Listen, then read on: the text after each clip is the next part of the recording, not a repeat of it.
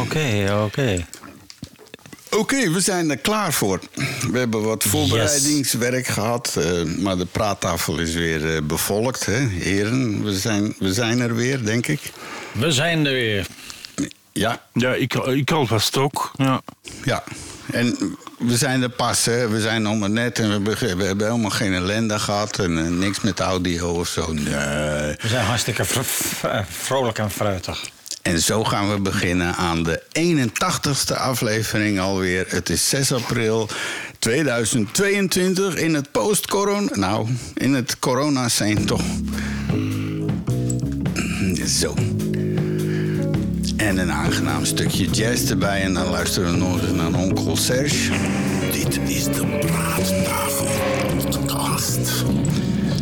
Welkom iedereen die luistert en ook welkom aan mijn tafelgast. Eh, Mijn naam is Istvan Lelussi. Ik spreek tot u vanuit Berchem, een aangehechte gemeente in Antwerpen, Vlaanderen, België.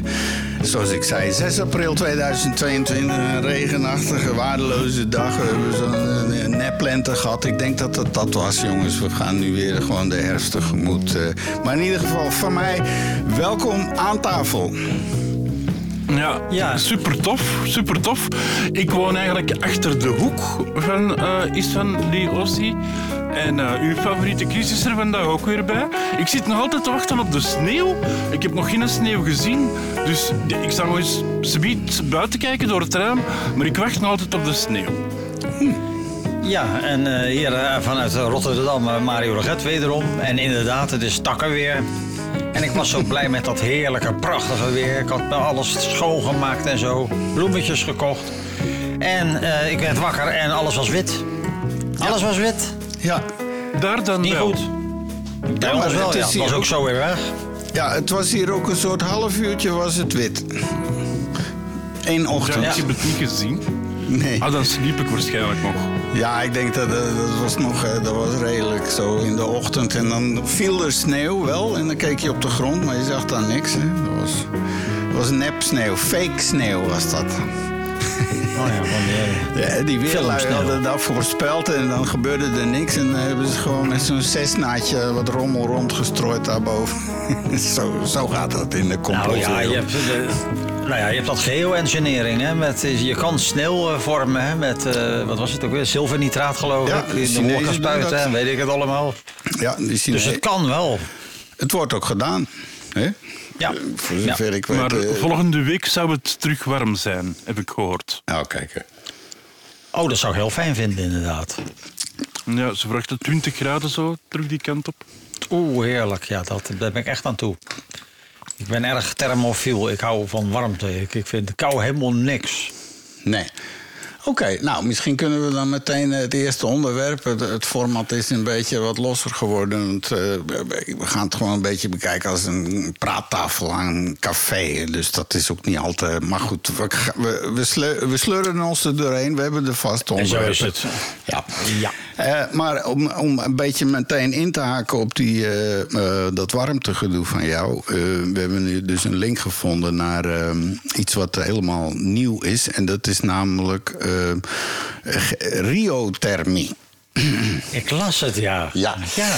En dat is een Belgische uitvinding. En ik vind het dus briljant. En heel simpel genomen zeggen ze eigenlijk van eh, de. de ehm, de, het afvalwater wat uit je huis vertrekt, hè, van de douche en van het eten koken, da- dat is, daar zit restwarmte in. En dus Ja. wat, wat ze dan deden, ze hebben zo om die, die rioolbuis om, omwikkeld met zo'n pijpen. En dat wordt dan aan een warmtepomp gekoppeld en, en die haalt die Ja. warmte eruit. Ja. Op zich vind ik dat wel een heel eh, elegant systeem. Ja. Ja, ik bedoel, als je kijkt, eh, eigenlijk je zou kunnen stellen dat dat is ook als je een serieuze drol weet te bakken, die is op, als die je lichaam verlaat, is die gewoon 37 graden Celsius. Mhm. Dus, dus dat, dat warmt absoluut op. Dus het is inderdaad verstandig om die, die restwarmte terug te vangen op de een of andere manier. Dan zou je, als je het goed zou willen doen, zou je wel je rioolpijpen moeten isoleren. En dat gaat misschien nog net even iets te ver. Maar inderdaad, dat afvalwater, dat is een goed begin. Ja, dus... eh, En eh, aangezien dat Antwerpen eh, in zijn rioleringswater de meeste drugssubstanties heeft van de wereld, kunnen we daar misschien ook nog iets mee doen.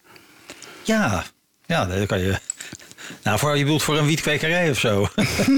Ik Ja, denk dat het iets zwaardere drugs was dan wiet dat in de rioleringswater kwam. Ja, je kan inderdaad heel veel terugvinden in eh, ook, ook medicijngebruik en zo. Je kan heel veel aflezen eh, aan, aan de, de, de an- analyse van eh, rioolwater. Dat wordt ook in Nederland gedaan om te kijken hoe het met de COVID-besmetting is. Ja, ja dat, eh, dat, eh, dat gebruik van eh riool op die manier voor allerlei analyses. Maar niet alleen COVID nu, maar nu kunnen ze ook zoeken naar, ik weet niet wat hoorde ik laatst, diabetes of weet ik veel wat. Dat gaat Ja, steeds verder en verder, want dat blijkt dus een, een, een waanzinnige bron van informatie. Daar drijven spermacellen in en stront en weet ik veel. En, en allerlei onafbreekbare zaken, zoals nou, drugsgebruik enzovoort. Ja. Ja, ja. En inderdaad, er wordt ook best wel heel veel drugsafval eh, met, met eh, je houdt nogal veel nare stofjes over bij het maken van eh, zoiets als eh metha, metha, van, hoe heet het Methamfetamine, meth. Ja, crystal, de- crystal meth. meth. Crystal meth, ja. Ja. Maar ja, als, als, die- wat je overhoudt, dat is aceton en dat is zoutzuur. En dat flikkert men gewoon het riool in. Ja, en ook bij het maken van die ecstasy-pillen ook hetzelfde. MDMA, dat is ook gigantische afval. eh, Ja, dat is niet best. En goudvissen. nee. Af Dus en ja, toe een goudvis erbij. Maar het pro- probleem is dat er toch zo'n waas van, eh, van... oh, iedereen doet het en het is eh, vrij normaal allemaal. Het, eh, dus een, een lijntje snuiven voordat je uitgaat of weet ik veel wat. Dat, dat, dat- Ja. en, maar de- niemand denkt erbij na wat je daarmee in stand houdt... qua de geweldstructuur en de clans. En, Dat is vreselijk, ja. ja. En je ziet nu ook steeds, steeds meer Colombianen die hier in Nederland de, de, de, de, de illegale lapjes, eh, eh, eh, daar werken ze voor het maken van eh, crystal meth. Dat is natuurlijk eigenlijk te bizar voor woorden. Ja. Dus, dus de, de, Ik heb dat die gelezen, worden overgevlogen. Die weten niet eens waar ze zijn. Nee, nee ja, die, kunnen, die kunnen alleen, denk maar aan Breaking Bad, het koken van eh meth en amphetamine. Ja, dat is leuk, maar eh, we zijn er niet blij mee. Nee. Het wordt maar eh, het wordt ruiger en ruiger. Het zijn ook, niet, niet, het zijn ook vervelende criminelen met hele nare praktijken. Dus ja, dus dat is lastig. Ah, ja, en, Dat is niet echt mijn wereld, want ik zit altijd thuis, dus ik ga niet uit. Dus ik heb ook geen behoefte aan een lijntje eh kook. Nee, want als je dat gewoon alleen thuis zit te doen, er is niks. Dan Heb je niet zoveel aan? ik, ik ga je helemaal te gek. Nee, dat, nee, dat is echt een. eh, Nee, dat gaat niet werken. Nee. Ja, cannabis dan denk ik weer wel. Maar ja, dat heb ik ook al jaren niet meer. eh. Nee, ik, Ja. ik heb nog wel jaren geleden is ergens ooit een, eh, een studiosessie met een band. En we kenden die gasten en zo. En dat was in een ander land. En, een, en een van die gasten die zei van... eh, ja, we, we hebben wat, een paar van die pillen zijn er hier aangekomen. Had iemand, eh, dus ineens waren er... Ik zeg, ah oké, nou wat we doen, we komen vanavond allemaal terug naar de studio als iedereen weg is. En pak je instrumenten mee, dan gaan we even die trip nemen. En ik zet de recorder aan en we gaan waarschijnlijk fantastische dingen opnemen. Hè? En dat denk je dan ook, hè? plan. Dat was het plan. Dus ja, die gasten kwamen dan terug en ik al meteen zo'n slok water. Geef dat ding, hè. Dus ik keek al zo half angstig eerst naar mij en dan uiteindelijk... eh, en, en, ja, en af en toe zat ik te grappen en zo ging er een kwartier, twintig minuten verder. Ik zat rustig zo de mengtafel voor te bereiden en een beetje testjes en zo. En niks aan de hand. En, eh, en hun hadden intussen ook hun eh ecstasy-pil gepakt. Eh, ik heb het nu over ergens 1985. ja, ecstasy. In Ja. 485. Hè? Dat is echt een long Ja, time ago. ja. en, eh, terwijl ik dus bezig ben en ik zeg, ja, nee, maar ik voel, en steeds vroegen ze van, de, voel je al iets, voel je al iets? Nee, nee, nee. En op een gegeven moment eh, zit ik zo, we hadden zo'n analyzer, zo met van die ledjes. eh, en op een gegeven moment, die, die die puntjes werden een, puntjes in een universum. Dat, dat werd on- oneindig diep. En wauw. en ik was helemaal... eh, En, en, ik keek naar die gasten en ik wauw. Dat spul dat kwam dus redelijk hard binnen ineens. En Ja. ja. ja, binnen drie minuten was iedereen weggestoven en angstig naar huis. en ik zat daar dan in die studio en na een half uur dacht ik... nou, ik moet ook maar naar huis, want eh, ja, mijn vrouw was het toen nog niet. Die kwam dan om één uur thuis van een andere job. En ik zat daar op bed helemaal te spacen en te huilen. En ik, ah, want dat in, de af, in het neerdalen krijg je een waanzinnige empathische aanval. Je, je gaat gewoon tegen elkaar Ah. zitten en janken. En, oh, ik hou zo van jou, ik heb nog nooit... Oké. ja, dat was mijn... En Ja. dat was ook de laatste keer ooit. eh, Ik heb, ja, je moet alles maar een keer proberen, denk ik. Daar zit wat in. Daar zit wat in. Zeker. Maar goed. eh, maar ja, inderdaad, dat, eh, het afval komt dan wel. ook dat afval komt natuurlijk deels in het riool terecht. en, en alles is te meten tegenwoordig. Dus niets blijft meer geheim, zou ik bijna zeggen. En het is nog steeds inderdaad best wel een eh, gedoe. Ja. Zeker weten. Eh, waar we het ook niet over gaan hebben, we hebben het hier verder, maar, zullen er maar verder, we hebben het er niet over gehad, echt. Hè. Eh, waar we het ook maar niet over gaan hebben, dat is eh, iets wat je in deze dagen en tijden toch een beetje doet, eh, um, hoe noem je dat, kreunen. De lijst van de biljonairs. En, en met name, Ach, wat, ja. wat heel erg is, dat ze allemaal waanzinnig veel rijker zijn geworden tijdens de corona. Terwijl de armoede ook waanzinnig is. En dat is een beetje hetzelfde als dat weersysteem. Als het hier ineens waanzinnig regent, dan is het ergens anders keidroog, toch? Er zijn wel 89 Russen uit die lijst geschrapt omdat hun biljoenen kwijt zijn. Met de oorlog. Ja, zeker. Maar ja, ik denk zelf dat, dat al die maatregelen die nu genomen worden tegen de Russen, dat, eh, dat hebben ze natuurlijk ook wel deels zien aankomen. En ik hoor ook dat er best wel heel veel verhuisd is naar de fondsen en dingen naar de Emiraten, om maar eens wat te noemen. Die doen daar niet aan mee aan die. dus ik denk dat het voor de gemiddelde schat hemelrijke Rus weinig zal uitmaken. Maar ja, ja, hun bootje, dat zal misschien wat meer pijn doen. Die worden overal aan de ketting gelegd. Eh, en eh, ja, daar kunnen ze dan ineens niet meer bij. Maar ja, goed. eh, ja. Het is zijn rare tijden. Ja, ja, ja. En, eh, Absoluut. die bootjes. En dat, maar, maar het is ook wel zo dat we nu, eh, zoals het nu gaat ongeveer, een 3 miljard per week eh, overmaken naar Rusland als heel Europa voor de gasrekening. Hè. Dus dat, en dat blijft Ja. gewoon doorlopen, want de Duitsers die Ja. pijnzen er niet aan. Om, om, daar is ook, maar die zitten nu wel met die Nord Stream. Ze hebben dus iets van 20 miljard Ja. uitgegeven aan een pijplijntje. En eh, dat ding, daar wordt helemaal niks. Die Amerikanen gaan dat gewoon bombarderen. Die, die zorgen dat het helemaal niks wordt. en dat Nee, nou ja, dat vond ik best. eh, maar dat vond ik ook best wel stoer van, van Scholz. Dat was dus die. eh, de- de- iedereen vond het een grijze persoonlijkheid na Merkel, die, die, die onzichtbare meneer Scholz. Ah ja. Maar als eerste, maar als eerste toen, de, toen de, de ellende begon, zei hij gelijk: we stoppen met de Nord Stream 2. Daar schrok er trouwens heel Duitsland van. Maar dat deed hij gewoon. En nog een week later zei hij van... wij gaan als eerste land 100 miljard uitgeven aan onze defensie. Toen viel ook iedereen in Duitsland van de stoel. Dus die kleurloze vent, die, die heeft wel haar op zijn borst, zou ik maar zeggen. Ja, Poetin heeft op alle vlakken exact het tegenovergestelde voor elkaar gekregen. Ja. Ja, ja, we zijn nog nooit zo één geweest in Europa. We hebben nog met de NAVO gaat echt troepen stationeren aan de grens. En eh, Finland heeft aangegeven dat ze toch echt wel eh, eh, ook daar troepen willen hebben. En dat ze ook bij de NAVO willen gaan horen. Dus hij heeft eigenlijk het tegenovergestelde bereikt. Ja. En het wordt nog gekker, Dus- want, want het blijkt dat eh, nu ook dus de Saoedi's en zo bo- boos op hem beginnen te worden met de olie. Want waarom? Wat hij dus versnelt hiermee is de vergroening. Want opeens nu krijg je het effect wat je bijvoorbeeld had in het begin van corona, voordat er corona was voor bedrijven. Oh ja, vanuit thuis en via Zoom vergaderen. Nee, nee, dat moet echt. En je moet elkaar zien en zo. Boem, kwam corona. Ja. Ineens allemaal aan de Zoom. Hé, hey, het werkt. En het is nu een Ja. vast onderdeel. Nou, nu ga je dit krijgen, maar dan met de vergroening. Dus ontkoppeling van... Ja, dat- Ja, de versnelde, het versnelde afbouwen van de, van de fossiele brandstoffen. Absoluut. Ja, want Chris, jij hebt een digitale meter. Jij kan iedere dag exact zien hoeveel cent eh, stroom je hebt verbruikt. Hè?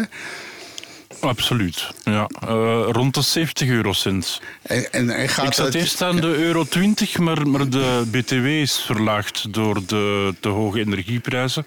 Dus we betalen nu minder BTW tijdelijk. Dus, dus ja, rond de 60, 70 eurocent. Ja, ja. Oké, En dat is per dat is wel dag. fijn dat je dat zo kan zien. Ja. Maar gaat dat, eh, is daar iets wat het, eh, jouw gedrag daardoor eh, gaat veranderen? Dat je een bepaalde dag ziet van wow, dat was veel. Oh, ik heb toen dat gedaan of zo. Is dat iets wat feedback geeft, denk je? Absoluut niet. Ja. Ik doe sowieso al niet veel. En, en de stroom die ik verbruik is mijn computer, mijn vier schermen, misschien een lichtje. In de winter was het wat meer Oh. Goedemiddag. Nu de Russische soldaten zich terugtrekken uit het noorden Wat van is dat? Oekraïne, Wie- wie doet dat? wordt steeds duidelijker Wat hoe is dat? groot Ik de doe dat ravage niet. Is. De driejarige Sasha, die vermist was geraakt in de oorlog in Oekraïne, is dood teruggevonden. En ons land gaat controleren dat Russische schepen Even kijken, hoor. Oh, wacht, wacht, wacht. in Belgische havens. Ah, want ik had hier een eh, nieuwsartikeltje klaarstaan. Maar Ja, Aha. Maar we gingen, als ik het mij nog alleen goed herinner, gingen we het niet hebben over die Forbes-lijst van de rijkste biljonairs ter wereld, waar dat, ja, eh, altijd dezelfde eerst staan. Maar mij viel op nummer 121. En er zijn twee nummer 121, dus ze staan gelijk. En het is een vrouw, blijkbaar een van de rijkste vrouwen ter wereld. En ze is. Het is Oh, namelijk... is eh, mevrouw... eh, ja, Charlene. Dervalo van de Ja, Heineken. de Carvalho. Ja. ja. Ja. Carvalho, oké, va. Ze is 67. Ehm, Ze is weduwe. Ehm, wat ik eigenlijk vroeg, heeft iemand haar e-mailadres of WhatsApp dat ik ze eens kan contacteren? Eh, want ze heeft nog wel 15 biljoen eh, dollar. In dollar eh, is deze gezet. Nu, wat ik nog wou zeggen, de Belg, de eerste Belg, ik weet niet op welke pagina hij staat, maar hij is, want de lijst is 200, dus hij valt daar nog onder. Maar hij heeft wel 10 miljoen en dat is een zekere Erik Wittok. Oké. En Erik Wittok die heeft zijn biljoenen verdiend met suiker. De tienersuiker. Ah, oké. En dan is hij op pensioen gegaan en dan heeft hij Weight Watchers overgekocht. Ja, en welk nummer Dat is stond een rare die? Dat weet ik niet. Onder de 200, want hij staat niet in de lijst van de 200. Ah, oké. Dus hij is naar de kant van de vijand gegaan. Dat is een arme biljonair. Nou ja, die heb je natuurlijk ook. Ik bedoel, als je in Zimbabwe biljonair bent, dan zegt dat helemaal niks. Nee. Toch, toch 10 biljoen, 830 miljoen, blablabla. Ja, toch veel. Dat is heel veel. Dat is heel Maar het rare met- is dat hij van suiker naar Weight Watchers gaat. Ik Ja, dat is eh heulen met de vijand, zouden we zeggen. Dat is de totaal andere kant heen. Ik denk dat Mhm. hij alleen naar de cijfers kijkt. Is het een goede overname en gaan we dat iets opleveren of zo? Ik weet niet in hoeverre zulke mensen ook emotioneel betrokken zijn. Want ik, ik ken dus iemand met heel veel geld en die koopt, een, die koopt bedrijven net zo makkelijk als auto's of eh, stukken grond of zo. Eh, bedrijven of hè, dat, is, dat, is, dat is ontmenselijkt. Ja. Ja, Nou van, van Watchers, Ja, is niet echt een bedrijf, het is meer een cult. Hè? Ik bedoel, je wordt daar gebrainwashed. www.com. www.com, dat is big business. Die maken reclames en je kan plannen doen en zo. Dat is Weight Watchers bestaat al eh, 40, 50 jaar. Dat Heel is lang. Echt, dat is echt wel een bedrijf. En je hebt ook Weight Watchers menus en eh kant en Ja. klaar. Dan moet je maar naar www.com. Ja, maar ja, je hebt ook. eh, de- de- de- de- de- ja, het blijft Iedereen is te dik. Tenminste, 50 van Nederland is te dik. En dat zal in verder de rest van Europa niet veel schelen. En ja, ik heb twee zussen die daar altijd mee bezig zijn. En is een eindeloze van. En eh, ik wil niet wat, wat er voorbij komt. Eh, en dat, dat blijft mensen eh, appelleren eigenlijk. Maar ik geloof niet dat echt iets helpt. Behalve cognitieve gedragsverandering. Ja, en dat is... Dat, ze gezegd van... Ja. Chris, je mag alles eten, maar je mag het niet inslikken. Dat zou Zoiets. helpen. Ja. Dat zou helpen. Ja, Nou, zo, En ik las ook nog een heel dramatisch verhaal van, van, een, van een meisje. Dat zag ik op tv. Dat, dat- dat vond ik te bizar voor woorden.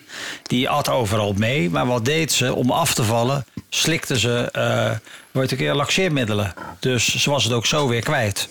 dat is ook bulimia. Eh, en dat, dat- is bulimia in feite. Ja, alleen dat heeft ze dus dusdanig eh, eh, eh, consistent gedaan. Dat bleef ze doen. En ze bleef er altijd hartstikke goed uitzien. Was ook een mooi meisje.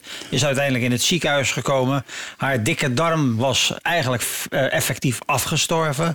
En nu loopt ze, is nog steeds een mooie meid met een stoma. Ja, maar de, de- die verhalen over met anorexia en, en ook bulimia, die zijn enorm tragisch. Ik heb daar jaren geleden al eens een project voor gedaan en zo. En dan, ja, die Ja. daaruit komen, want dat is een vrij dodelijke eh, ziekte. En De meest, ik heb iets gehoord dat na zoveel tien jaar of zo is toch de helft eh, leeft niet meer en zo, weet je wel. Het is, het is echt een Ja. En, en, en hier eh, heb je nu een wachtlijst van die met die voedingsstoornissen en jeugd en zo. eh, dat, is, dat is echt grondig aan het mislopen overal. Ja. Verkeerd beeld van de werkelijkheid. Dat is inderdaad triest. is niet makkelijk. Ja, en dan Ja. komt het wel. Eh, ja, en, het zijn er nog andere... Wacht even, dat doen we zo. Ehm, hallo? Iemand? Ja, Ja? Oh, er, er was een soort piep van... Nee. Ah ja, oké. ik hoorde even een stem er doorheen kakelen. Ja. Ja, die, die ga ik zo meteen eh, afspelen. Dat, eh, dat is wel interessant. Ik had de link, eh, zet ik in de show notes. Ja, dat kunnen we nu ook doen. Hè. Het is gewoon een open call. Wat, eh, waar ging dat ook alweer over? oh je, ja, er valt, is je valt af en toe weg. eh, Oh. Is het van? Oké, wacht heel even. Oeps. Is die weer naar de ijskast? Nou, ja, dat- ja, dat, eh, nou ja. Mm. We moeten geduld hebben. ja. Nou hoor ik alweer wat. Even kijken, daar plakken we een reclamespot overheen. Eh, Oké. Yes. Eh, wij- wij- Voor wat gaan we reclame maken? Voor wat gaan we reclame maken? Onszelf natuurlijk, voor wie anders. Ah, oké, ja. Nee, ik dacht misschien een sponsor hebben ineens en zo. Hè. Ja, dat is de lieve heer die ons dit toestaat om te doen. Allemaal met, eh, met gewoon wat inzet en een paar computers en eh, een, een, werkende Maar app. was jij niet uitgeschreven? Was jij niet uitgeschreven? Dan gaat de lieve heer niet helpen, hè?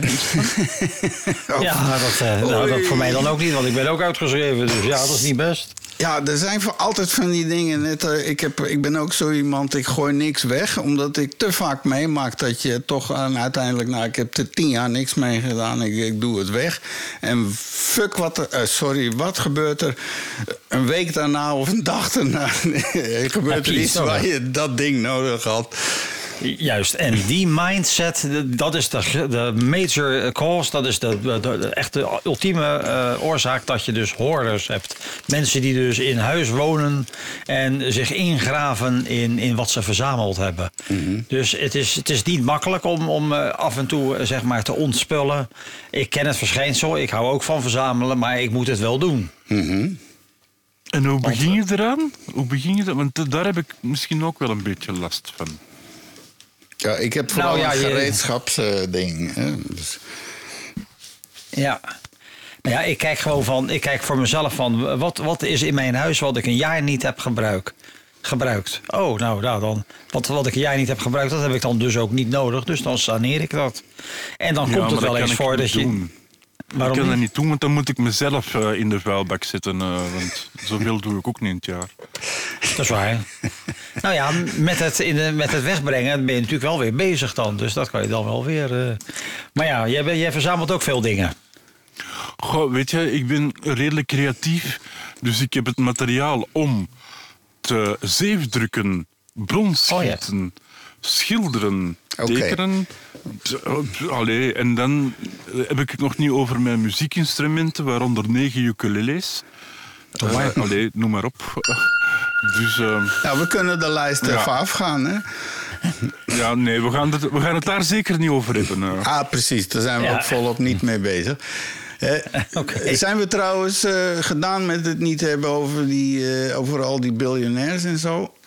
En vooral die Ja, ene dan bovenaan, die, die viking, meneer Musk. of Wat ik wel is raar vind, ehm, dat Elon Musk en Jeff Bezos vorig jaar stonden die gelijk, bijna. En dan was de ene en dan de andere. Nu is er een verschil van 100 biljoen Ja, tussen. Elon Musk Ja. en Jeff Bezos. Die trouwens, Elon Musk trouwens, 35% van Twitter heeft gekocht vandaag. Nou, Ja. hij, hij heeft er 9,5 bij gekocht. En eh, hij is nu dan inderdaad de grootste aandeelhouder. En hij gaat ook mee aan tafel zitten. Dus eh, we're gonna have fun, liet hij weten. Ben benieuwd. Ja, Ja. Dat is een, echt een super uniek figuur. Want tot nu toe, alles wat hij aanraakt, dat eh, verandert in goud. Want eh, de Tesla's die gaan door het plafond.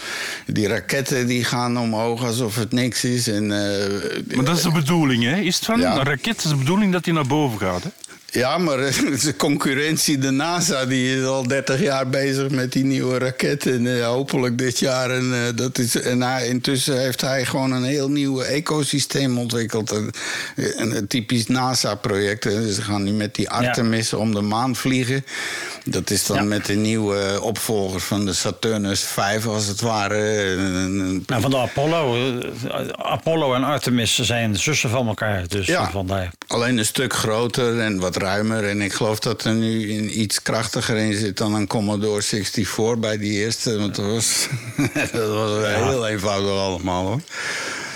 Tuurlijk, maar het, het, het- ik vind het wel spannend allemaal. Ik ben echt benieuwd. Eh, Het is ook logisch, als, als, we, als de mensheid ooit naar Mars wil... dan is dat natuurlijk slimmer om eh, te vertrekken vanaf de maan... in verband met de zwaartekracht dan vanaf de aarde. Dat scheelt heel veel in energie natuurlijk. Dus ik vind het spannend allemaal. Ik volg, ik volg het best wel. Ik vind het erg interessant eigenlijk ook. Ja. Ja, nee, we gaan. We gaan. Dus hey, als we klaar zijn met eh, dingen. eh, dan gaan we naar het volgende onderdeeltje intussen. En dat is dan Ja. eh, de vaste prik. Waar, even kijken hoor, waar zijn al mijn knoppetjes? Ik heb altijd knoppetjes, want we gaan voor het volgende stukje weer een ding laten horen. Dit is de Praattafel Podcast. Eh, we zijn aangeland bij het segment pek en veren. En ik heb toch wel een kandidaat gevonden waarvan ik gedeeltelijk... eh, ja, meestal probeer ik iets te vinden van de audio. En die is hier ook, maar je moet het voor jezelf zien. Maar ik, ik, ik weet niet, hebben mijn eh, gasten de, de video bekeken? En Misschien nee. Over gaat het? Eh, het is een nieuwsbericht van ATV, onze trouwe eh, nieuwszender hier in het lokale van Antwerpen. Oh ja, ik, ik zie het nu staan inderdaad. Ja, en, eh, ik, en ik, ik ga hem nu afspelen. Wat er aan de hand is, het onderwerp is dat een, er wordt een nooddorp hier gebouwd... Hè, met van die containers enzovoort. En een stelletje onverlaten kon het niet laten om op die zeilen, die, om die hekken... er staan van die hekken omheen, om die werf... en die hebben daar Ja. dus eh, opgespoten... eh, zo van die nazi-leuzen en heil Hitler en zo enzovoort. Dus ik ga het even laten horen. Het, het, is, heel, het is helemaal niet fijn eigenlijk. Op de hekken rond het toekomstige nooddorp voor Oekraïnse vluchtelingen op linkeroever hebben onbekenden met graffiti pro-Russische boodschappen gespoten. De politie ging vandaag ter plaatse om een PV op te stellen. De aannemer heeft de doeken intussen verwijderd. En de werken zelf vorderen goed.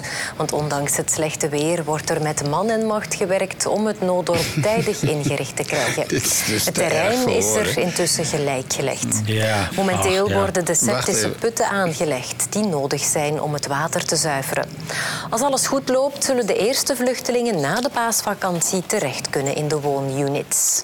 Nou, dus even voor de luisteraars die het eh, misschien niet kunnen zien of willen zien. Eh, terwijl ze dit vertellen, is er een cameraman gestuurd naar eh, de plaats van het delict natuurlijk.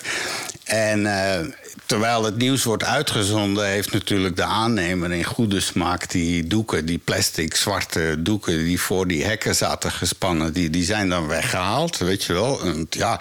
Ja. Maar voor de makers, die hebben vanavond een feest gevierd. Want heel hun doel was bereikt. Alles wat ze daar schilderden was op televisie. Want die stomme Ja. ATV's konden niks anders verzinnen. Tijdens het lezen van dat bericht. Om uitgebreid elk van die doeken uitgebreid in beeld te nemen. Ja. Dus de makers Ja, hebben slim. perfect hun doel bereikt. Dat is wat ze wilden. Gewoon, huppakee, weer. En dit gaat waarschijnlijk viraal. Nou. Dat, daar kan je op wachten. Ja, Dus maar kan- ik denk ook, eh, ik denk dat je best wel eh, veel eh, tegen, je hebt best wel veel wappies tegenwoordig. Wat mij is opgevallen is dat de coronawappies geen wappies meer zijn, omdat zeg maar corona bijna weg is. En die zijn aan het overschakelen grootschalig naar Poetin-wappies. Ja, maar Dus goed, dat kan ik eigenlijk- begrijpen. Dat, dat is mijn punt niet. Het punt is, die, die stupide ATV-regisseur of de editor... Ja, dat is- dat die is niet gaat handig. niet die plaatjes laten zien. Want dat is exact wat ze willen. Die gasten die dat gedaan hebben, die, die vieren nu feest. Ze hebben hun doel bereikt. En dat vind ik... En Ja, dat die niet stupiditeit, die stupiditeit, die klaag ik aan. Ja, dat er van die eikels Ja. zijn, weet ik veel. Misschien waren het een stel schoolkinderen die dachten van... Oh, weet je wat... Ja, Ja. maar dat is nieuws. eh, Is van, Als het niet in beeld is, is het niet gebeurd. Dus dat is een nieuwsuitzending, dus ze moeten het laten zien, anders is het er niet geweest. Ja, Ja. dat is triest, maar hè. Ja, ja, ja. Nou ja, oké. Ik, ik denk niet dan dat je dat beeldmateriaal, maar want wat ze wel uitzenden, wa- wat ik nu ook, eh, hè, je ziet dan die dode lijken, hè, waar we vooral niet over gaan Oh hebben. ja, die, die reconstructie. Ja. Ja, nee, maar je zag eh, gisteren, eergisteren echt... dan gingen die nieuwsmensen en daar lagen al die lijken gewoon nog op straat en zo... in dat Bucha-dorp en zo, wat die Russen hebben achtergelaten. Die, die hebben daar vreselijk huis gehouden enzovoort. Dus, ik heb eh, eh, van zender veranderd toen. Ja, maar wat ze nu doen is dan eh, dat ze nu tijdens een. eh, er is een, eh, bijvoorbeeld een, een, een, een correspondent, hè, live in Kiev of live in Lviv, weet ik veel. Die staat daar buiten met zijn jas en dan is hij zijn verhaal aan het afdraaien. En na een halve minuut denkt de regie, nou, we moeten iets boeiends laten zien. Dus ze zetten hem in zo'n klein kadertje. En wat gaan ze weer draaien? Weer die lijken, weer diezelfde, altijd diezelfde Ja. loop. Altijd, dus op Ja. een gegeven moment word je helemaal murf daarvan. Dan denk je van, nou ja, Ja. Na, na de honderdste keer doet het je niks meer. Dat is toch ook bizar? nou ja, wat ik, ja, zeker. Dat, waar, waar is het voor nodig? Maar ja, aan de andere kant, wat ik wel fijn vond... eh, toen die lijken in, in Bucha, eh, toen dat allemaal duidelijk werd... hebben de Russen ook gelijk gezegd... oh, dat waren wij niet en dat hebben ze zelf gedaan. En die, en die, die lagen... En, eh, eh, en wat, hebben ze, wat is dus gebeurd? Eh, ze hebben dus de, de, die lijken gefilmd, de, de nieuwsmedia. En ze hebben de satellietbeelden van een maand daarvoor... Ja. Eh, er overheen gelegd. En je kan precies zien dat die lijken er al lagen toen de Russen daar waren. Ja. Dus dan moeten de Russen het gedaan hebben. Dus dat is op een geweldige manier is, de, de, is Rusland in die zin onderuit gehaald van. Want ze zeiden echt van dat is gebeurd nadat wij er waren. En eh, dat hebben de, de Oekraïners zelf gedaan. Die hebben daar een paar lijken neergelegd. Dus dat is echt een, een vorm van journalistiek. Dat vind ik zeer bijzonder de moeite waard. Beetje die, die Bellingcat Club, zeg maar. Je hebt Ja, veel ja, van die, eh, ik vind dat prima journalistiek moet over het algemeen. Belling the Cat eh, komt af van, van de, de, de kat de bel aanhangen, weet je wel. Belling the Ja. Cat. eh. Dus eh, ja. dat is, ja, dat is volksonderzoek. hè. Dat is gewoon, daar kan je zelf ook aan meedoen enzovoort. Iedereen die wil, die kan meewerken aan. Nou ja, dat- je ziet ook inderdaad dat steeds meer, dictat, eh, steeds meer dictaturen en foute regeringen in, het, in de knel komen. Omdat iedereen alles ziet met zijn telefoontje. Dus het wordt steeds moeilijker om dingen onder de pet te houden. En dat vind ik best wel een leuke ontwikkeling in die zin. Ja, absoluut. Ja, En, eh, maar langs de andere kant krijg je dan eh, een, op, op internet dan een nieuwsitem zo van... Ja, er zijn weer beelden van mensen ehm, die dan om wanhoop schreeuwen. Maar er staat dan bij, we weten niet of het de waarheid is. Ja, want je hebt altijd die Zeker. fake news nog. Ja, dus dat vind ik zeker. dan weer wel verwarrend. Zeker, er is veel nepnieuws. En helemaal nu met die nieuwe technieken, met dat eh eh, diepste, of hoe dat ik weet dat. eh, Deepfake. eh, deepfake video's en dergelijke. Dat je eigenlijk al het, al het beeld kan manipuleren. Maar eh, wa- wat ik er net beschreef, bijvoorbeeld als je dat combineert met, met satellietbeelden en noem het maar op. Je kan wel eh, veel te weten komen. Maar ik ben het helemaal met je eens. Het is heel moeilijk om eh, nieuws op, op waarde te schatten. Dat is niet makkelijk. Nou ja, die, die, die satellietbeelden die komen van die firma Maxar Technologies. Hè. Dat, dat zie je continu. En die hebben dus de wereldmarkt in handen. Die zijn er eh, heel vroeg op ingegaan. En ja, die, die resolutie van, eh, van hun die, die zit op zo'n halve meter of zo. Dus dat is, dat gaat, en, en, en die maken dat publiek beschikbaar. Hè. Die moeten wel voor betalen, maar dan betalen die nieuwsorganisaties voor. Maar ja, defensies ook enzovoort. Die, die, dat bedrijf loopt enorm. Zou ik aandelen van kopen. Die, die worden nu, dat is de zoom van space als het ware. Maar ja, dat is ook onweerlegbaar bewijs allemaal. Hè? Want iedereen kan eh, aan die. die en, en, eh, Die beelden, ja. En a space doesn't lie. Hè? Dus eh, de- het is alleen de bewolking. Als het dicht bewolkt is, ja, dan, dan gebeurt Is het. het wat lastiger? Ja. Dus dat is ook wel een gamechanger ergens hoor. Ja, het, het is, alles is tegenwoordig te zien. En dat heeft eh, nadelen, maar het heeft ook voordelen. Dus eh, dat is eigenlijk de enige, enige conclusie die je kan trekken. Ja, dus, dus zo worden we op allerlei manieren geconfronteerd met de nieuwe realiteit. Dus eh, hebben we al een beetje het nieuwe, het nieuwe Koude Oorloggevoel helemaal terug. Want dit gaat dus nog jaren en jaren en jaren naslepen. Dus, eh, Ja, dat denk ik ook. Dat denk ik echt ook. Ik denk dat ook. eh, Nou ja, waar ik, waar ik wel tegenop zie, is dat als je toch ook wel een, een, een mondiale. Nou ja, sowieso als ik over Europa spreek, de welvaart raken we een stukje kwijt. We hebben nu in Nederland officieel de eerste. eh, eh, weer, eh, eerste armen, energiearmen. Dus mensen die dus eigenlijk niet de, de stookkosten meer kunnen betalen en dus thuis zitten met hun winterjas aan. Nou, dat, dat had ik toch ook niet verwacht voordat deze oorlog uitbrak dat dat ooit zou gebeuren. nee, nee, nee. Dus, dus inderdaad, het, het, we zijn altijd ervan uitgegaan dat het altijd goed gaat, maar het kan ook zo over zijn. Ja, je, je zei het woord mondiaal, hè? Je zei het woord mondiaal. En toevallig hoorde ik in een. Eh, dat was een BBC eh, News of zo. Daar was een interview met een eh, journalist uit Brazilië over het probleem in Oekraïne. En toen vroegen ze van hoe kan het nou dat wij een correspondent uit Brazilië. Nou, hij zegt het is zo dat door die oorlog. Gaat er een tekort zijn aan kunstmest. Want Brazilië is eh, een van de grootste voedselexporteurs ter wereld hè, nu. En die hebben daar enorme hoeveelheden eh, meststoffen voor nodig. Nou, die gaan niet meer Ja. uit Oekraïne komen. Dus minder meststof betekent minder opbrengst. Dat is gewoon minder kilo's per vierkante kilometer. En, dus, Zeker. en zo zit nu de hele wereld, net zoals die varkens, die worden hier opgevoed. En die gaan dan in eh, Spanje naar de slachterij. En die worden in Ierland in blik gestoken. Weet je wel, heel die maffe mondiale economie. Dat is, en dit is weer zo'n.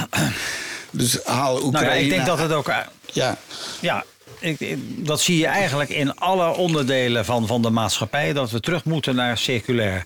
En het is niet alleen energie en het is niet alleen eten. Maar het is ook van de zotte dat al onze medicijnen worden gemaakt in twee landen. Te weten India en China. Ja. Eh, en dat maak je. En eh, nou, kijk naar de gas uit. eh, hoe afhankelijk we in Europa zijn van Russisch gas.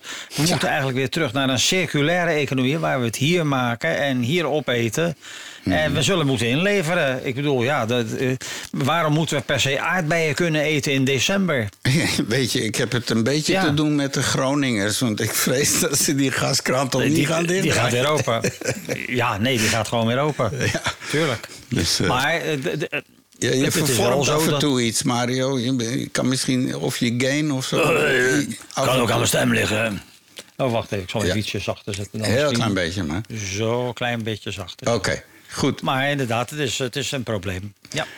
Wat mij vooral opvalt, en, en ik ben vandaag gaan winkelen, is dat er toch wel producten weg zijn uit de rekken. Lege, ja. lege stukken rek.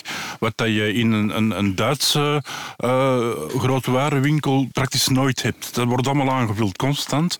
En nu, nu begin je toch wel... En nu neem ik het niet alleen over de kindereitjes, want die zijn weg omdat er zogezegd salmonella in zat. Maar dat is een ander Oh ja. verhaal. Maar dus ja, nee, er zijn lege rekken in de winkel. Dat begint nu wel op te vallen. Het olievak, het olievak is leeg bij elke supermarkt. Er is geen. eh, Ja, de enige, ja. de enige olie Ja. die er nog staat, is die met die takjes erin. eh, weet je wel, met die- zo van die. van Ja, ja, ja. Die smaaktakken of zo. Maar, maar, eh, ja, Rozemarijnolie en zo. Ja, precies. Dat is de enige die er nog staat. Maar voor de rest is alles weg. En dat is Ja. ook, ook wel redelijk. Ik had toevallig nu nog... Ik heb nog een paar liter staan. eh, maar maar eh, Dat wordt nu echt van zo gauw je het ziet kopen, want eh, anders is het weg. Dus dan, dan ben je eigenlijk ook mee, mee aan het probleem. Aan het, Ja. dat is bizar. Ja, en de toiletpapier valt nog wel mee, geloof ik. ja, dat is natuurlijk dat, eh, dat is De mensen hebben nog van de vorige keer liggen, dus dat komt wel goed.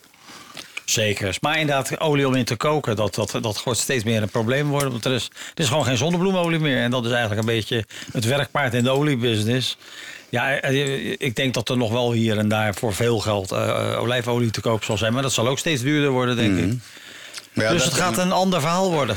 Maar olijfolie komt niet zozeer uit Oekraïne. Dat is meer mediterraan, eh, toch? Uiteraard. Dus, Dus- tuurlijk, zeker. Maar ja, zeker. daar stijgt de een, dan stijgt de ander ook. Hè. Het is uiteindelijk ook... Zo gaat het. Want, eh, en, en dan, eh, als je kijkt wat de industrie verbruikt aan eh, olie... En, en, en ook de, de, friet, de frietkoten en weet ik het allemaal... Dan zijn we, dat is wat wij verbruiken als consumer, is dat peanuts eigenlijk. hè. Ja. ja.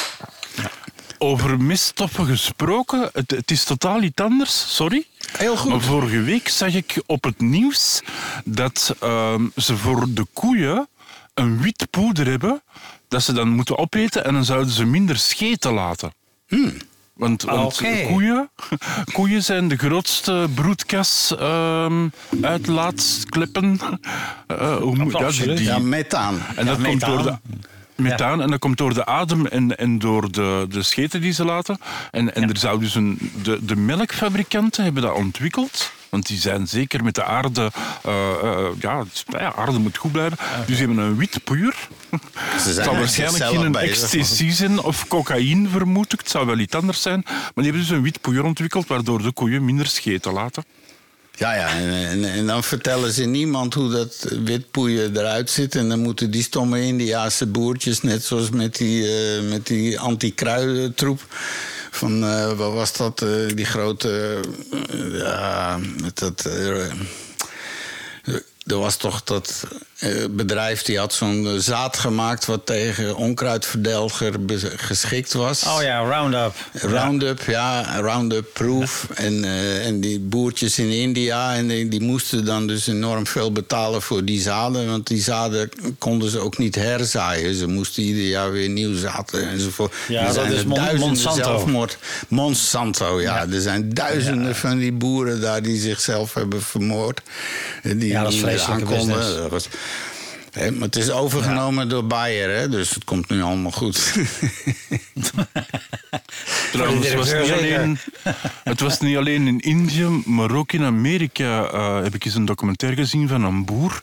En die, en die wou maïs zaaien, maar die moest maïs van Monsanto kopen, want ze hadden daar de rechten op. En Ja. hij wou dat niet. Hij wou zijn gewoon natuurlijke maïs Ja. eh, zaaien. En, en die had een rechtszaak en dat ging over honderden miljoenen. Eh, die Nou, is er ook klopt. onderdoor gegaan. Het is zo dat in Amerika, daarom importeert Nederland ook eh, bijna geen eh, landbouwproduct uit Amerika, omdat ze daar Je aan hebt een genetische veredeling doen. robotstem. Je hebt Meen je een dat nou? robotstem. Ja. Oh, ik hè? Oh ja, Bij mij klinken jullie allebei nog uitstekend. ik, ik, denk, Ah, ja, ik, ik, het klinkt, wel- ja, bij mij klinkt alles goed. Ja, nu is Maar- het beter. Oké. Maar in kan je Amerika bandbreedte doen ze aan- zijn een beetje. Oh ja. Maar wat ik wilde zeggen is dat in Amerika eh, doen ze aan genetische veredeling. En wij willen dat in Europa niet, eh, genetisch gemodificeerde eh, landbouwproducten.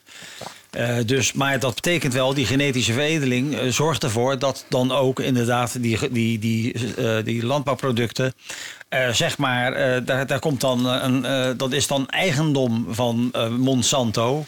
En daar moet je dan inderdaad auteursrechten, of hoe noem je zoiets, daar Ja, moet je voor royalties. betalen gewoon. Ja. Maar ze Eh, hebben- want ze hebben- normaal zaad is zaad. Ja, want ze hebben dan dus een zaad ontwikkeld eh, die, die, eh, die bestand is tegen Roundup. Dus je kan er kilo's Roundup op smijten en alles gaat dood, behalve dat zaadje en zo. Maar ze hebben daar ook een soort self-kill in gedaan. Je kan die dus niet van die maisplanten, de, de, de zaden, je kan er niet eentje uitplukken en opnieuw planten, want dat werkt niet. Hè? Want die, die dingen zijn, dat, dat zit daar ook ingebouwd, dus een self-destruct. En, en Ja. wat, maar wat er dus in Amerika ook gebeurde. eh, dus eh, jouw eh, buurman, boer, die gebruikt dan de Monsanto-troep. En jij zegt van oh, niks ervan, ik ben bio-bio.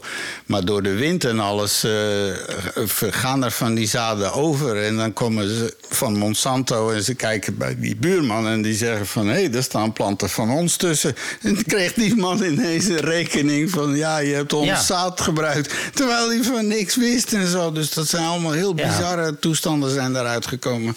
Nou ja, het, het- dat is Amerika. Ik weet nog wel, eh, toen het menselijk genoom in, in eh, kaart werd gebracht... toen ons DNA bekend was. En uiteindelijk hebben ze er heel lang over gedaan. Dat is eigenlijk een race geweest in de wetenschap... wie als eerste het hele menselijke genoom in kaart zou hebben gebracht. Maar dat was bijna gelukt door Greg Venter. En Greg Venter, dat is een eh, ondernemer en wetenschapper. Als die als eerste was geweest, had hij het onzalige plan... om dan inderdaad het te claimen, het genoom. Dus iedereen die dus voortaan met DNA bezig zou zijn... en die zou iets van dat genoom willen gebruiken... had hij dus, dus auteursrechten moeten betalen aan Greg Venter. Dat, zou, dat is te bizar voor woorden als dat zou zijn gebeurd. Maar dat is Amerika. Ja, dat, dat, dat is. Dat, oh, ja, het systeem van zo'n me- medische royalties bestaat al heel lang. Hè? Want bijvoorbeeld een chirurg Ja, die een bepaalde ingreep verzint. Hè? Die, die, je hebt een bepaalde aandoening en een chirurg die, en die beschrijft dat. Dan een chirurg aan de overkant die dus die handeling uitvoert, die betaalt dus royalties aan de originele. Zeker.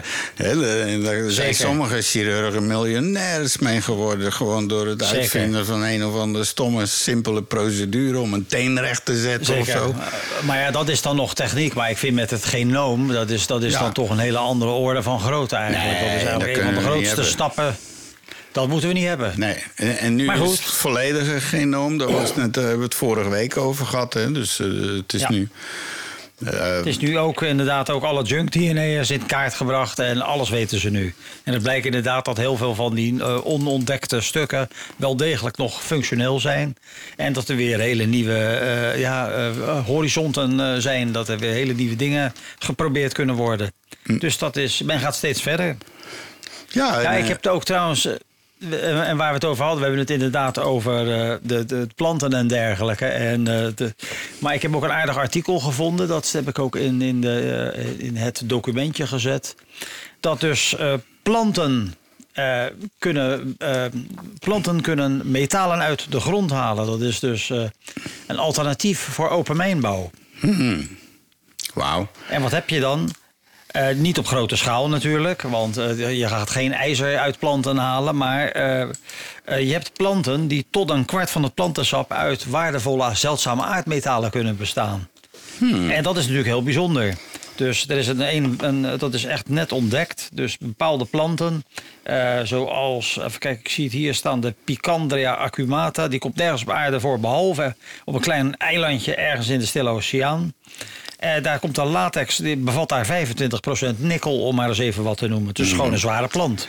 Dus, dus jij zegt, dat er- Mario, dat geld wat wij allemaal verspillen van onze belastingen aan die mannen die daar dan gebruind met zo'n rugzak en zo'n dinghy naar zo'n eilandje varen, al die langharige, langharige wetenschappers met zo van zo'n Robin Hood uiterlijk of zo. Je denkt dus dat het Ja, toch ja. geen eh, onnuttig geld is, dat het misschien toch. eh?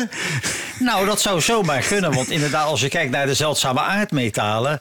Ja, dan moet je echt voor naar vulkanisch gebied. Ik ben aan de Congo. eh, Met die, dat wordt vaak hele nare mijnen, zijn dat. Maar bijvoorbeeld, een van die zeldzame aardmetalen is bijvoorbeeld kobalt. Nou, je kan planten. Je kan, als je een oude kopermijn hebt en je plant daar een, een, een bepaalde plant op, dan kan je dus eh, 25 kilo kobalt per hectare kan je dus terugwinnen. Je moet wel wachten totdat die plant volgroeid is. Dus dat duurt dan wel, dat heeft dan wel eh, tijd nodig. Maar ja, het is toch braakliggend. eh, Zo'n zo'n verlaten mijngebied is braakliggend. Dus je kan effectief je- zeggen: ik ben kobaltboer. Ja, in principe wel. En eh, het heeft ook een milieuvoordeel. want Ze kunnen dus zware metalen eh, verwijderen van verontreinigde industrieterreinen bijvoorbeeld. Maar, dus, dat is weer, dus dat is weer een hele nieuwe tak van wetenschap die, die, eh, eh, die, die eraan zit te komen. Dat je dus inderdaad, het, het heeft niet alleen win je daar metaal mee. maar het CO2 wordt ook weer opgezet in zuurstof, omdat het planten zijn. En, en er zijn inmiddels al 700 planten gevonden die dus metaal opnemen. Dus dat was even een nieuwtje waarvan ik dacht, daar gaan we in de toekomst wel misschien mogelijk wel weer wat meer van horen. Ja, dat- is, dat is inderdaad positief. En dat is ook wel eens goed Ja. om eh, zoiets te horen in deze donkere Ja. dagen van het nieuws en zo. Allemaal. Het is allemaal echt donker, donker, donker. Dus Nou ja, die, die, die positieve nieuwtjes, die, daar, daar ben ik altijd wel voor. Ik, ik lees daar graag over. Nou. Dus je ziet inderdaad dat er hier en daar wat nieuwtjes zijn waarvan je zegt... nou, daar hebben we wat aan. Nou, oké. Hey, ehm, we gaan even door naar het volgende. Want we zitten nou een beetje, komen in de buurt van het laatste segment, luisteraars. Eh, de vaart zit er goed in vandaag. En ehm, eh, Chris is ook. eh, ehm, eh, wat ben je Wakker. eigenlijk, Chris? Chris is wakker. Wakker. Ik ben wakker. Wakker. Ja, heel aangenaam zo'n tafel. eh, eh, en, ik- zeg, ja, we doen dadelijk de promotie. We hebben rioolwater gehad. We hebben. eh, ja, want een ander probleem, nu we het over leuke dingen hebben, is die eh, eh, CO2, hè, kooldioxide in de. In de lucht, eh, afijn. En Ja. ze zijn al heel lang zijn er allerlei ja, uitvinders en dingen en van, eh, die met carbon capturing. Dus, dus het eh, Ja. op de een of andere manier uit de lucht halen. En, en er zijn, lopen wel projecten, maar dan zou je dus bijvoorbeeld van bepaalde installaties de halve Sahara vol moeten bouwen om, om, om, om een kwart op te slorpen. Ja. En, dan- maar Mario heeft natuurlijk padap, Big news. Ja, ja er is in, in, in Schot, ja, er is een, een, een Amerikaans bedrijf. Of, eh, en de, dat is, die zijn daar nogal mee bezig. Eh, die vangen dus, die, hebben een die gaan een installatie neerzetten in Schotland. En dat moet de grootste CO2-afvanginstallatie van de wereld worden. Dat betekent een installatie die CO2 kan afvangen, even groot als een bos met 40 miljoen bomen. Oké. Dat is nogal wat, hè? Dus dat, dat moet, je voorstellen, dan moet je de halve Sahara vervol planten. Nou, hoe doen ze dat? Dus eh, je moet dat op de een of andere manier uit de lucht zien te halen. Dus via een chemisch proces wordt dan CO2 uit de lucht gehaald. De lucht wordt door een aantal turbines naar binnen gezogen. Een soort, een soort eh, fabriek in. Dat wordt over een kunststof oppervlak gele- eh, geleid. Dat is gedrenkt in een... onschadelijke kaliumhydride op- oplossing. Nou, kaliumhydride, dat kennen we als gootsteenontstopper. Alleen dan is het natriumhydride, maar het is bijna hetzelfde. Hydroxide, moet ik zeggen. En dan bindt de CO2 uit de lucht zich aan, het, eh, aan die hydroxide in de vorm van een zout. Nou, dat wordt dan weer gedestilleerd. Het water gaat eruit. Daardoor wordt het CO2-gehalte hoger. En uiteindelijk kunnen ze die zooi dan persen tot pillen. En als, die, als je die pillen dan weer verbrandt, dan kan het CO2 als gas worden afgevangen in drukflessen. En dat hele zootje pomp je weer naar leegstaande zoutlagen eh, in de bodem. Dus waar je gas uithaalt, pomp je CO2 terug. Dan vraag ik me af, waarom storten ze die pillen niet in dat gat dan in die zoutlaag? Waarom moet dat eerst nog verbrand worden? En, eh, dat lijkt me dan... Ja, Nou, om- omdat je, omdat je eh, ja, maar kijk, het is makkelijker om een gaatje te boren. Eh, je hebt natuurlijk een, een, ergens een, een, een gasveld en daar gaat een pijp heen. Maar dan moet je iedere keer die pillen in die pijp gooien in de hoop dat het nooit vol. ja, net zoals nee, je pillen in je keel steekt. Dat doen wij toch ook? Ja, ja, ja. ja, maar het, je als, het moet natuurlijk wel een gas zijn, want het moet zich verspreiden in die hele laag. Ik denk dat dat met pillen niet gaat lukken. Ah, nee, maar al, met, al met al, je Goed praat zo. over 40 miljoen bomen. Dus dat betekent dat is 400 vierkante kilometer. Mm. En die hele Schotse insta- installatie, dat zal een paar duizend vierkante meter zijn.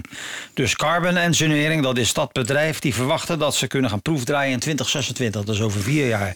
Nou, als dat lukt, dan zou ieder, ieder land zoiets kunnen hebben. Met, eh, met, althans met een bodem waarin ze dus gas winnen en eh, waar ruimte is. In lege gasvelden. Wij zouden dat ook kunnen doen. België kan dat doen.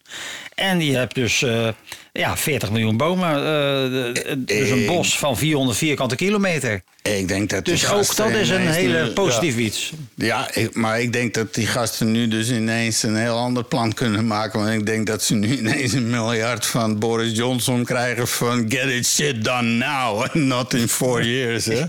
Want nu gaat de Ja, geldkraan open voor dit soort projecten. Hè? Dat is nu Ja, ineens nou ja, duidelijk daarom. van... eh, hè? Ja, daarom. Als ik, ik, als ik ga zoeken over eh, eh, klimaat, eh, positieve klimaatdingen, dan, dan zie ik allemaal van dit soort dingen. Hmm. En er zitten een paar prachtige krenten in de pap, zal ik maar zeggen. Onder andere dit dus. Ja, ja, ja. En ook die metalen uit de bodem, dat zijn allemaal kleine dingen misschien, maar die grote consequenties kunnen hebben. Dus dat vind ik wel positief eigenlijk. Ja, het is een soort eh, awareness. En, en ik vind het nog steeds een mooi verhaal. Van, ik, ik zie dus voor me zo- zo- zo'n wetenschapper met zo'n zo'n zo'n Sahara-hoed en een zonnebril en lang krullend haar voor op zo'n dinghy, stormend op zijn eiland af. en dan vindt hij dat ene verdomde Plantje. plantje wat de hele planeet. Het is zo'n Hollywood-scenario, kan je wel bedenken. Ja, ja, dat zou zomaar kunnen. en dus. Nou ja. eh, Ja. eh, ze- nou, wie had kunnen denken toen... eh, oh, we zijn er alweer. Nou, vijf minuten. Dit muziekje duurt vijf minuten. Dus we Ah, zijn in de. In de Nou ja. in- in- ja. Er, er is ooit, eh, door, door de verre reizen naar de ontdekking van Zuid-Amerika... is ooit één, één aardappeltje meegenomen naar Europa. Ja. En kijk eens wat we nu op ons bord hebben. ja. En de Dat is koffie. dat ene aardappeltje uit Zuid-Amerika. Dus, dus, Ja. En, eh, kleine daden, grote gevolgen. De laatst ben ik eens naar zo- zo'n soort marktje geweest met alternatief marktje. En nu, nu heb je dus allerlei van die, ook van die Zuid-Amerikaanse. Dat waren van die piepkleine aardappeltjes, heel raar, heel maf. Ja. En, eh, dat hebben we allemaal geprobeerd. Dat is allemaal, man, er zijn een miljoen soorten aardappelen. En hier eten we alleen Ja. maar de, de bintjes en de weet ik veel. Nee, heel veel. En, en trouwens, over, over Zuid-Amerika. ik- Wat mij trouwens is opgevallen. We, we zijn de Inca's kwijt. Hè? Ja, toch, eh, eh, is dat ook in België zo? Dan praat ik over die straatmuzikanten... die zeg maar eh, LP'tjes verkochten en Ja. stonden te, te zingen. En panfluiten. en. Die zijn helemaal weg. De- gede- Gedecoloniseerd, hè? Ja, op een gegeven moment zag ik wel dat ze overges- overgestapt waren. Ze waren ineens Indiaan geworden met verentooien en hoja, hoja. Precies hetzelfde, ook weer met die cd'tjes. Maar ik heb Ze dus zien er dan ook een beetje uit, maar... Ja, jaren geleden een docu gezien over dat fenomeen. Want dat, die staan in Tokio, in Istanbul en in alle Ja. plaatsen. Dat wordt gerund vanuit een grote glimmende glazen soort van Trump Tower daar in Colombia. Dat is een bedrijf, want die brengen cd's uit. En dat hebben die mensen bij. En ook al die merchandising enzovoort. Ja. Het is gewoon een gigantische global enterprise. Ja, Maar het, is namelijk ook zo, want ik heb, ik heb gewerkt met die mensen. Ehm, Oké. Er is er één en die doet festivals in België. En die heeft twee knechten bij die voor hem werken. Hè? En, en die verkopen truien en muziekjes en zo. En na een jaar zeggen die twee knechten, eigenlijk kan ik dat ook. En het jaar erop komen die alle twee met zelf nog eens twee knechten die hem helpen en verkopen. En, en dat zet zich zo uit. Nee, zo werkt Een dat soort gewoon, menselijke hè. kettingbrief. Ja, ja. Ja, Dat heb ik dus meegemaakt in Istanbul. Van, ik werkte dan voor een. eh, ik deed dan een live ding. En eh, ik, eh, er kwam een geluidsbedrijf. Daar huurden we dan een set. En een van de, de loopjongens, en zo kom ik een jaar later terug. die dacht van: oh ja, dat is makkelijk geld verdienen. Ik koop gewoon wat speakers en rommel. En dat verhuur ik en zo. Zonder dat hij. ineens. En ik zeg: hè, wat? De chauffeur is nu eigenaar van. ja, ja, ja. Zo, maar dat is een beetje hetzelfde. Voor, voor hun is dat Ja. een winkel. Dat heeft niks met audioliefde of engineering. Het is gewoon puur van... Oh, Nee. eh, ik, ik koop voor Nee. 1000 euro iets... en dan kan ik iedere maand mijn huur betalen... en eh, dronken worden of zo, weet ik veel. Ja, ja. Chris, is Ja, er nog een gedoetje van van de week? Iets waar, of oh, iets waar je naar vooruit kijkt? eh? Iets waar ik voor naar vooruit kijk. Of- Ja, de zon die volgende week gaat komen, uiteraard. Ja. Hè, Daar wachten we allemaal op. Ehm, ja, en ik ben begonnen aan een animatie die ik wil doen, helemaal alleen. Alles alleen, muziek, tekst. Geweldig. Animatie zelf ook, uiteraard. dus, dus ja, daar, met dat. Ja, ik mag even stoeven. Ik heb nu net ook een video van de Time Bandits... eh, waar, waar ook maar één naam onder staat in feite. Eh, dankjewel. Mario, nog gauw even. We hebben nog 30 seconden. Oh, nou ja, wat, wat eh, leuke dingen. Ja, aanstaande woensdag wordt er een, een systeem in mijn piano gebouwd... dat ik dus ook s'avonds en s'nachts kan spelen zonder dat de buren het horen. Daar zie ik echt naar uit. Dat vind ik helemaal te gek. Daar gaan we het ook uitgebreid over hebben. Ik vind het heel boeiend dat het bestaat en nog boeiender hoe het, Het werkt en zo. Ja, ja. dat is zeker zo. Nou, ik neem alvast Ja, afscheid. Ja, gauw nog? Moest, moest iemand het e-mailadres van Charlene de Carvalho hebben? Ze, ze mogen het mij altijd sturen, hè? Op Ja, de. WhatsApp of zo, Twitter. Ja, dat maakt niet uit of Messenger. Moet, oproep. moet geen probleem zijn. Eh, lieve mensen, dit was hem weer. De 81ste namens mij. Goodbye vanuit Bergen en tot volgende week. Ja en eh, namens mij, Mario Reget uit Rotterdam. Eh, tot volgende week. En, en uw eh, favoriete Christ zal zijn best doen om er dan ook te zijn. Tot, tot volgende week. Dit is de Praattafel.